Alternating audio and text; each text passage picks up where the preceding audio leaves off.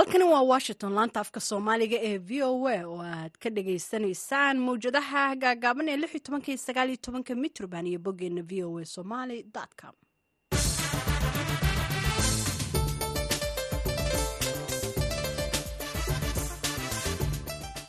Subax wanaagsan dhegeystayaal meel walba joogtaan. Waa subaxnimo talaado ah sagaalka bisha janaa sanadka labada kun iyo afar iyo labaatanka. Idaacadda saaka iyo caalamka waxaa idinla socodsiinaya anigoo ah falastiin axmed iimaan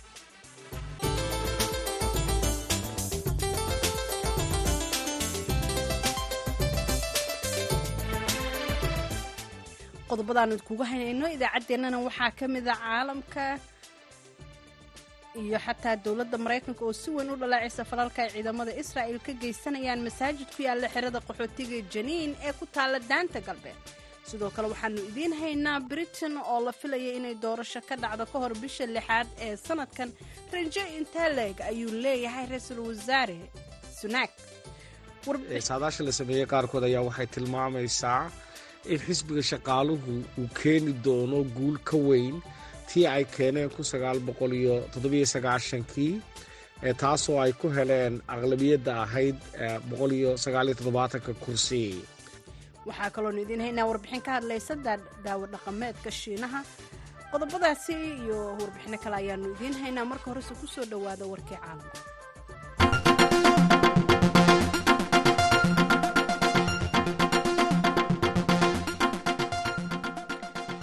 madaxweynaha maraykanka jo biden ayaa cod si laabdulucsila u diray codbixiyaasha madowda maraykanka isniintii shalay isagoo si qiiro leh uga hadlayay kiniisad ku taalla south carolina oo ay daqare ka soo gaareen masiibada cunsurinimada. Madaxweyne biden wuxuu isku dayayay inuu bulshada madow ee gobolkaasi ka helo taageero tartanka isreebreebka ee xisbiga dimuqraadiga ee bisha soo socota dhacaya kulan aad loo buuxay oo lagu qabtay kiniisadda emmanuel african ee magaalada charleston ayuu biden waxa uu ka hadlay. Waxa uu ugu yeeray sun muddo aad u dheer qarankan dhibaato ku ahayd isagoo ku celceliyey ereyada madaxweynihii hore ee donald trump kaasoo ku sheegay marar kala duwan eeda uu u jeedinaya soo galootiga oo uu yidhi waxay dhalan rogeen dhiigga ummadda waa maxay buu yidhi suntaasi? Biden oo hadalkiisa sii wata ayaa sheegay in ay tahay suntaasi sarraynta caddaanka. Taariikhda waa markii ugu xumayd buu yidhi ee bulshadeennu ay kala fogaato. Tani meelna kuma lahan amerika. Maanta berri iyo weligeed ayuu yidhi biden. Biden wuxuu noqday madaxweynihii ugu horreeyey ee maraykan ah oo xafiiska fadhiya oo ka hadla mimbar. Mid ka mid ah kiniisadaha ruuxiga ah ee madowga ee ugu da'da weyn looguna ixtiraamo kiniisadaha. Kiniisadan ayaa waxaa la aasaasay in ka badan laba qarni ka hor sannadkii labadii kun iyo shan iyo tobanka ayaa waxaa ka dhacday toogasho aad u foolxun oo sagaal qof oo uu ku jiro baadarigii kiniisadan uu ku dilay nin caddaan cunsuri ah. Ukrainna waxay dhoofisay shan iyo toban milyan oo mitrigtan oo xamuul ah iyada oo marinaysa marinka badda madow waxaana xamuulkan la dhoofiyey ka mid ah toban milyan oo tan oo badeecadaha beeraha waddankaasi ah sida uu sheegay maanta ra'iisul wasaare ku-xigeenka alexander kubrakof ukrain waxay bilowday adeegsiga marinkan oo isku xira xeebta galbeed ee badda madow ee u dhow romania iyo bulgaria bishii agost waxyar kadib markii ruushka uu ka baxay heshiiskii ee qaramada midoobey ee dhoofinta badarka ukrain waxayna ku hanjabeen inay ula dhaqmaan dhammaan maraakiibta raashinka wada sida bartilmaameedyo militari. Shantii bilood ee howlgalka marinkani uu jiray afar boqol lixdan iyo sagaal markab ayaa la sheegay inay soo waceen dekadda ukrain si ay wax u rartaan sida uu sheegay kubrakof ra'iisul wasaare ku-xigeenka waddankaasi oo qoraal soo saaray. Waxaa kaloo uu sheegay in hadda soddon iyo sagaal markab laga rarayo dekadda odessa iyo dekadaha kale ee kornomorosk iyo weliba bifdenie halka siddeetan iyo saddex markab oo kale ay xaqiijiyeen inay diyaar u yihiin inay ku soo xirtaan dekadahan ayna ka dhoofiyaan laba dhibic afar milyan oo tan oo shixnada kala duwan ah. Ukrain oo leh beero wax soo saarkoodu sarreeya ayaa sidoo kalena ah dhoofiyaha badarka beeraha adduunka ugu weyn waxaana la sheegay in badarkeeda beeraha ka soo go'a ee la dhoofin karo uu dhan yahay konton milyan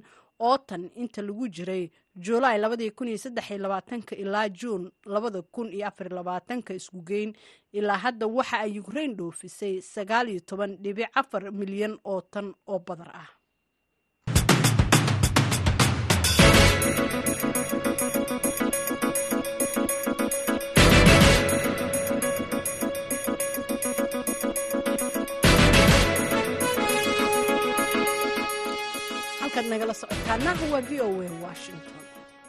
Waxaa isa soo taraya in britain ay doorasha ka dhacdo baaqyada ku saabsan ka hor bisha lixaad ee sanadkan. Hadda bilowday ra'iisul wasaaraha britain ayaa ugu baaqay taageerayaasha xisbiga talada haya iyo xisbigiisaba in ay ku raacaan qorshaha dowladdiisa ee ah in isbeddel dhab ahi uu dhaco fursad intee leeg ayuu haystaa ra'iisul wasaare rishi sunaag inuu ku soo noqdo ama uu ku soo baxo doorashadan noqdana ra'iisul wasaarihii ugu horreeyey ee dadweynuhu doortaan britain ee ka soo jeeda dadka laga tirada badan yahay. Muxuuse ka waday isbeddel dhab ah? Warbixin gaar oo amuurtan ku saabsan waxaa london nooga soo diray waryaheena cabdixaafid cawil ismaaciil kadib markii uu ra'iisul wasaaraha britain toddobaadkan shaaciyey inaan laga firsanayn inay doorasho dhacdo sanadkan gudihiisa. Waxa uu bilaabay ololihiisii inuu tilmaamo waxyaabaha u qabsoomay intii uu talada hayay sida lagu baahiyey wakaalada wararka ee reuters qorshihii ugu weynaa ee ruwanda ee dadka qaxoontiga ah ee ka soo gudba biyaha u dhexeeya britain iyo faransiiska in la geeyo dalka ruwanda waa arrimaha ugu waaweyn ee lafdhabarka u ahaa ololaha doorashada xisbiga talada haya. Dowladuse inay socodsiiso qorshahaasi ilaa iyo iminka kuma ay guulaysan. Waxaa kale oo saameyn ku yeeshay xisbiga talada haya halka ay iska taageen inay taageeraan xabad joojin ka hirgasho qasa oo ay diideen waxaana jiray mas'uuliyiin sare oo xisbiga iska casishay arrinkan awgeed iyo qaar xilkaba laga qaaday markii ay dowladda ku dhaleeceeyeen inaanay taageerin xabad joojintaasi. Xogaha la ururiyey ee ilaa iminka ra'yiga dadweynaha waxaa horreeya xisbiga iminka mucaaradka ah. Dowladdu waxay ku jirtaa dadaal ay ku doonayso inay kaga hormarto xisbigaasi. Haddaba waxyaabaha ugu waaweyn ee reishi sunak doonaya inuu u muujiyo in wax la taaban karo ay dowladdiisu ka qabatay waxaa ka mid ah in cashuur dhimis la sameeyo in la yareeyo muddada ay dadku sugaan in ay dhakhtar cusbitaalka ku arkaan iyo yareynta dadka muhaajiriinta ah ee dalka soo gelaya mar wax laga weydiiyey riishi sunak inuu arrimahan kor ku xusan wax ka qabtay. Waxa uu sheegay in mar kasta loo baahan yahay in la kordhiyo dadaalka laakiin ay hayaan tubta toosan ee arrimahan ay dowladdu ku xalinayso. Haddaba riishi sunak ma noqon doona ra'iisul wasaarihii ugu horeeyey ee ku yimaada doorasho guud kana soo jeeda dadka laga tirada badan yahay ee ku nool britain. Su'aashaasi ayaan weydiiyey maxamed ibraahim hirari oo ka faalooda arrimaha britain degana magaalada glasgow ee madaqada scotland. Cabdixaafid oo uu xisbigan talada hayaa waxaa la doortay labada kun iyo tobankii. Waxaa isbedelay shan ra'iisul wasaare oo laba keliya ay doorasho ku yimaadeen doorashada sanadkan dhacaysa haddii ilaahay ka dhigo xisbigan muxaafidka ahi kuma guuleysan doono. Waxa keliyata ee laysku hayaa waa heerka ay leekaan doonto guuldarada xisbiga ku soo socotaa saadaalaha qaarkood saadaasha la sameeyey qaarkood ayaa waxay tilmaamaysaa in xisbiga shaqaaluhu uu keeni doono guul ka weyn tii ay keeneen kun sagaal boqol iyo toddobiyo sagaashankii taasoo ay ku heleen aqlabiyadda ahayd boqol iyo sagaal iyo toddobaatanka kursi. Guuldarada xisbiga talada haya ku soo wajahani lama xidhiidho midabka ra'iisul wasaaraha iyo inuu ka soo jeedo dad laga tiro badan yahay xisbiga ayaa waxaa ku soo socda xisaabtan adag. Marka doorasho shanaad kuma guuleysan doonaan oo dadkii wadankan ayaa aada uga soo horjeestay ra'iisul wasaare riishi sunak ilaa iminka way ku adkaatay inuu ku guulaysto waxyaabihii waaweynaa ee uu ballan qaaday waxaana soo baxaya in xisbigiisu aada u kala qaybsan yahay. Halka xubno ka mid ah xisbigana ay ku hanjabeen inay ka shaqayn doonaan. Sidii uu xilka uga degi lahaa bilowga ololahan waxa uu sheegay inuu samayn doono isbedelo dhab ah. Waa ereyo ay isticmaalaan badiba madaxda marka doorashadu soo dhowdahay laakiin riishi sunak isbeddelka dhabta ah ee uu keeni karaa waa maxay waa kan mar kale maxamed ibraahim herari. Markii uu ra'iisul wasaare rishi sunak xilka qabtay waxa uu sheegay in shan qodob oo uu rabay inuu wax ka qabto.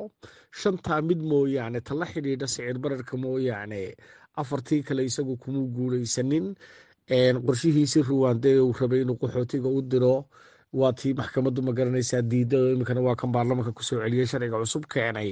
Qorshaha laftigiisana waxaa soo baxayay warar sheegaya markuu ahaa wasiirka maaliyadda inuu qorshahan aanu taageersanayn. Laakiinse iminka dee firaaqa siyaasad ahaanuun maaragtay uu u taageersan yahay ee wuxuu ku qanacsan yahay uu arko inay faa'iido leedahay aanay ahayn.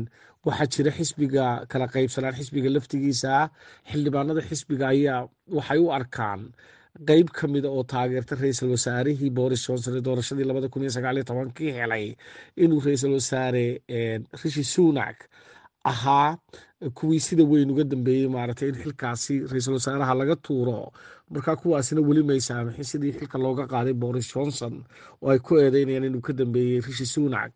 Marka waxaa kaloo loo arkaa inaanu siyaasadda ku fiicnayn oo dadkii wadanka iyo xisbi weynihiisiba taageerayaashii xisbi aanu ka gedi karin fikirka aaminsan yahay. Dadka ka faalooda arrimaha britain ayaa sheegay in ra'iisul wasaare riishi suunak ku guuleystay hal bartilmaameed oo ah in kala badh sixir bararka la dhimo dhammaadka sannadkii tegay labada kun iyo saddex iyo labaatanka. Dhaqaalayahanada ayaase sheegay intaasi wax yar ay ku leedahay siyaasadda dowladdiisa. Cabdi xaafid cawil ismaaciil v o a london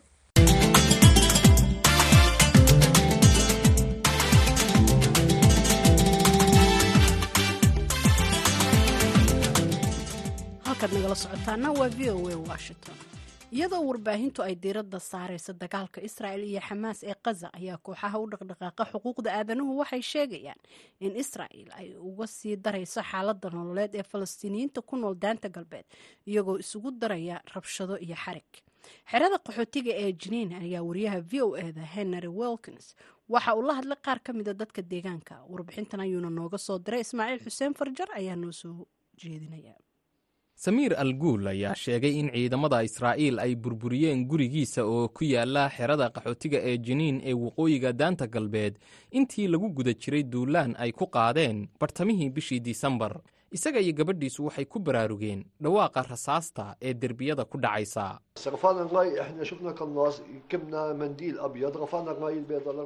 Xitaa markii aan calanka cad taagnay ciidamada wax toogtaa waxay ku sii adkaysanayeen in ay sii wadaan rasaasta si aan kala soc lahayn. Wuxuu sheegay in weerarku u dhacay sababtoo ah laba dagaalyahan oo falastiiniyiin ah oo ka tirsan kooxaha iska caabinta ayaa gabaad ka dhigtay guriga. Halkan gabadhiisu waxay soo bandhigaysaa hadhaaga qolkeeda jiifka kooxaha xuquuqul insaanka oo ay ku jiraan human rights watch iyo bitsalem ayaa sheegay in israa'iil ay kor u qaadaysay rabshadaha xadhigga iyo ololaha soo socday tobannaanka sano ee looga dan leeyahay in lagu barakiciyo falastiiniyiinta ku nool daanta galbeed. Ugu yaraan laba boqol iyo sagaal iyo konton falastiiniyiin ah ayaa ciidamada israa'iil iyo kooxaha hubaysan ee yuhuudda ahi ay ku dileen daanta galbeed tan iyo wixii ka dambeeyey toddobadii oktoobar sida laga soo xigtay qaramada midoobay taasoo ka badan tirada la dilay sagaalkii bilood ee ka horreeyey ee sannadka labada kun iyo saddex iyo labaatanka. Kooxaha u dooda xuquuqda maxaabiista falastiiniyiinta ayaa sheegay in in ka badan afar kun oo falastiiniyiin ah la xidhay tan iyo toddobadii oktoobar sidoo kale intii uu socday duulaanka bishii disembar ciidamada i d f ayaa la wareegay sameecadaha masaajidka janiin si ay uga baahiyaan salaadaha ay yuhuuddu tukato iyaga oo ku jeesjeesaya dadka deegaanka muuqaal laga duubay dhacdadan ayaa ku baahay baraha bulshada waxaana loo cambaareeyey si weyn. Xataa maraykanka iyo i d f ayaa cambaareeyey. V o a ayaa la hadashay qaar ka mida dadka masaajidka ku tukada. Samiir shaliibi ayaa sheegay.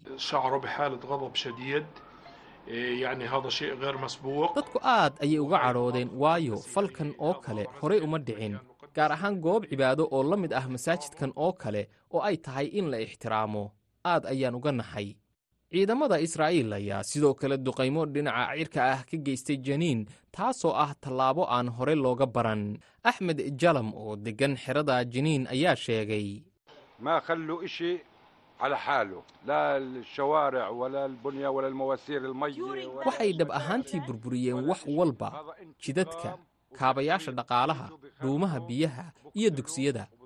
tani waa fal aargoosi iyo wax burburin ah waxay u yimaadeen in ay wax burburiyaan waxna dilaan mana jirto cid la xisaabtanta. V o a ayaa marar badan isku dayday in ay arrimahan wax ka weydiiso ciidamada israa'iil hase ahaatee ciidamadu si toosa ugama jawaabin su'aalaha samiir al guul ayaa sheegay in isaga iyo gabadhiisu ay ku guulaysteen in ay ka cararaan gurigooda. Hase ahaatee ciidamada israa'iil ayaa keenay cagafcagafyo si ay u burburiyaan gurigooda wuxuuna weydiiyey sababta ay gurigiisa u burburinayaan.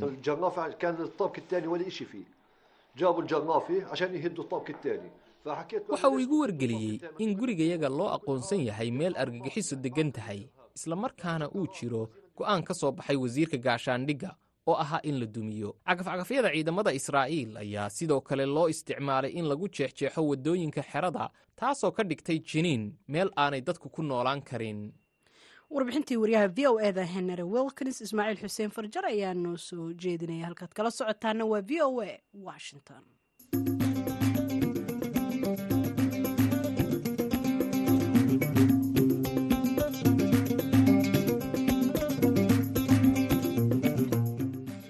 bulshooyinka caalamka waxay isticmaalaan daawo dhaqameedyo kala duwan kuwaasi oo loo adeegsanayo waxyaabo dabiici ah.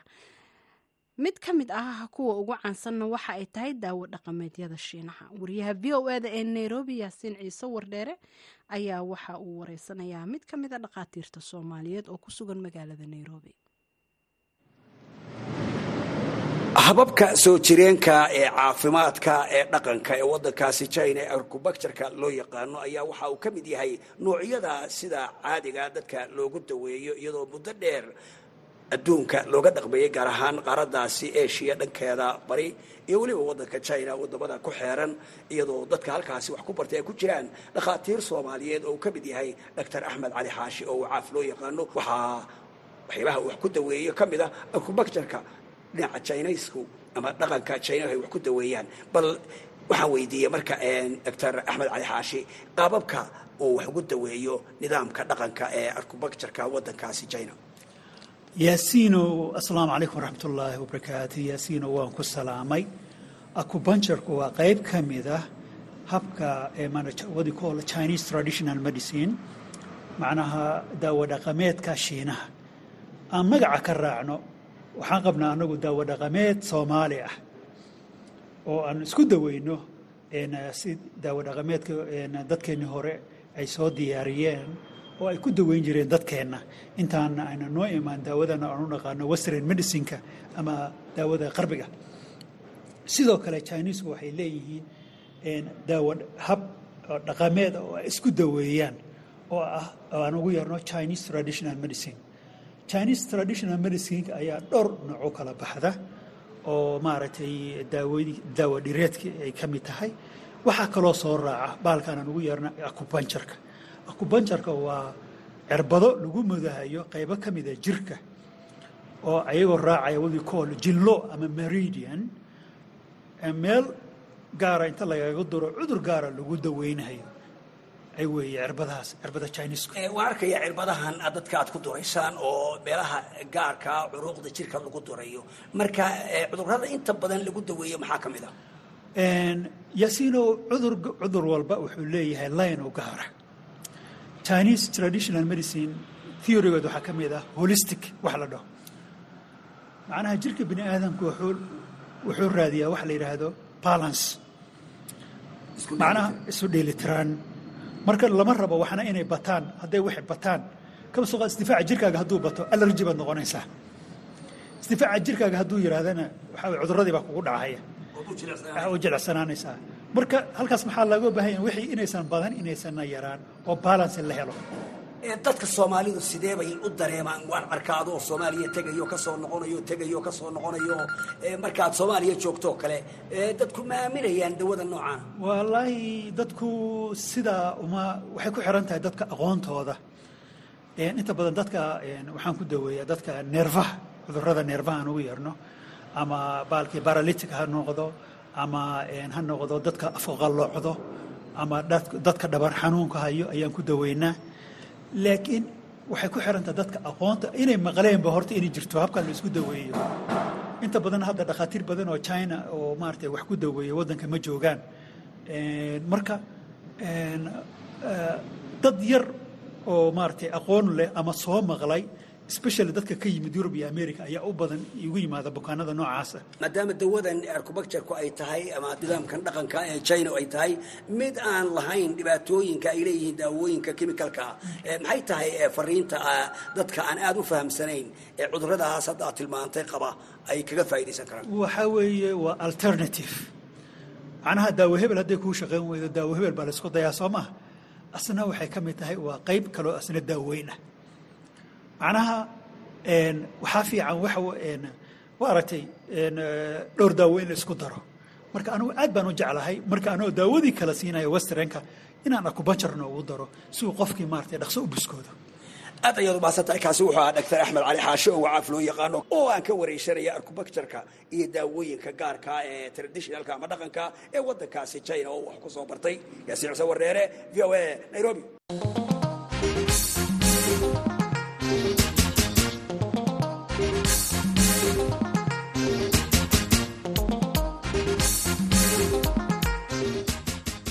subax wanaagsan dhegeystayaal meel walba waad naga dhegeysanaysaan. Gabar wariye ahayd oo ka howlgeli jirtay kashmiirta ay hindiya maamusho ayaa waxa ay abuureysaa xirfad cusub oo shaqo oo dhinaca cuntada ah. Kadib markii la xayiray warbaahinta taasoo ku kaliftay inay shaqada isaga tagto. Muxaad ul islaam ayaa sheekadan ka soo dirtay sirana gaar oo waxaana soo koobaya jamaal axmed cismaan laga soo bilaabo gurigeeda sirnagaar casma bahaad waxa ay eegtaa muuqaallo nolosheeda hore ku saabsan. Ilaayo bishii agost ee sannadkii hore waryahan oo labayabaatan jirkahay waxay war akhriye ka ahayd warbaahinta gobolka ee kashmiir walla. Laakiin markii maamulka kashmiir ee indiya ay maamusho ay xanibeen gelitaanka goobta warbaahinta bishii agost oo ay ka soo saareen suxufiyiinta xafiisyadooda bahaad waxay ku qasbanaatay inay raadiso hab cusub ay nolosheeda ku dabarto. Marka waxay bilowday waxay ugu yeertay jikada daruurta ah iyada oo ka iibinaysa cunnada kashmiiriga macaamiisheeda wax ka soo dalbada barta instagram-ka. Waxaan ku fikerayay inaan sameeyo jikada daruurta si aan u kasbado nolol maalmeedka oo aan u fuliyo rabitaanka iyo cunto karinta. Muuqaal ayaan soo dhigay baraha bulshada. Jawaab fiican ayaana ka helay.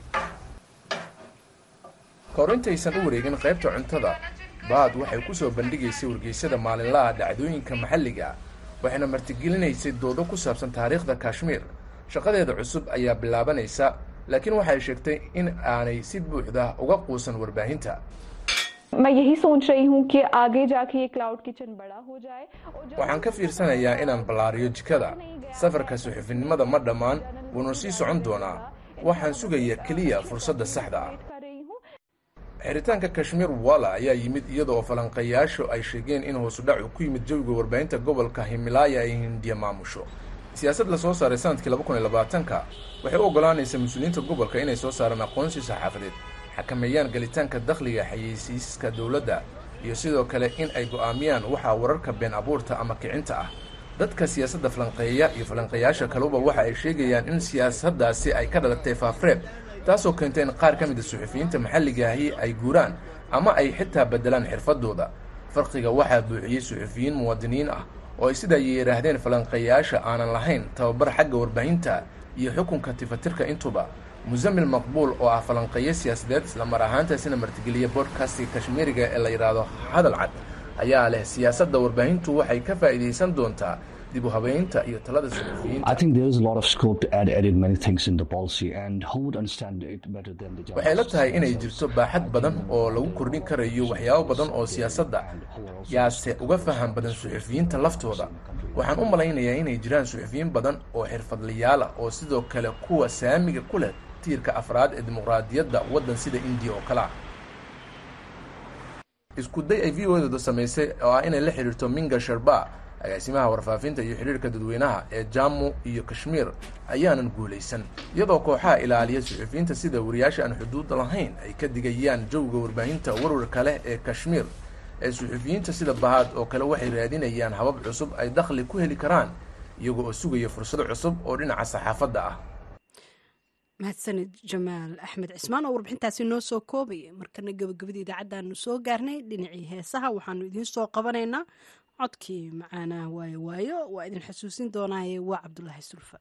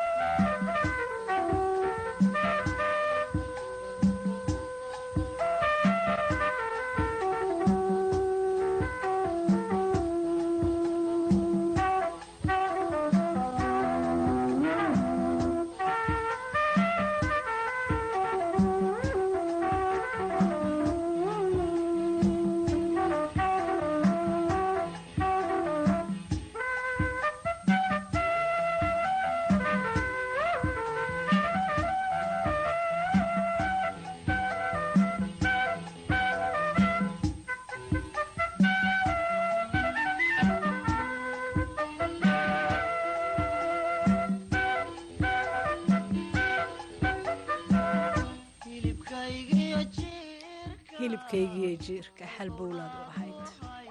Codka macaan ee cabdulaahi sulfa waxay gabagabo ahayd idaacaddeenii aroornimo. Intaan mar kale hawada ku kulmi doono kooda iyo barka duhurnimo xaggiina. Waa dhammaan v o a oo idinla nabadgeliya